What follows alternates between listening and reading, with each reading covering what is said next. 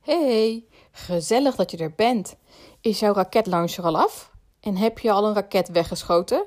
Ging het goed? Kwam hij ver? Hoe denk je eigenlijk dat dit werkt? Om de raket af te schieten, stap je met je voet op de luchtcontainer. Hierdoor duw je alle lucht uit de container. En diezelfde kracht duwt de raket de lucht in. Hoe harder je stapt, hoe harder de raket de lucht in schiet. Maar dan valt je raket weer op de grond. Dat komt door de zwaartekracht. Alles komt altijd weer terug naar de grond. Hoe hoog jij ook springt, je komt altijd weer op de grond terecht vanwege de zwaartekracht.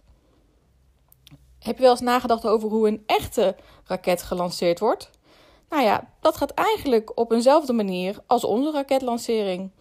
Maar in plaats van lucht uit een luchtcontainer duwen, gebruiken ze daar een chemische reactie waardoor een gigantische explosie vrijkomt.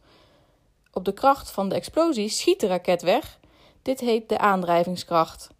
Deze kracht is sterker dan de zwaartekracht en daardoor komt de raket los van de aarde.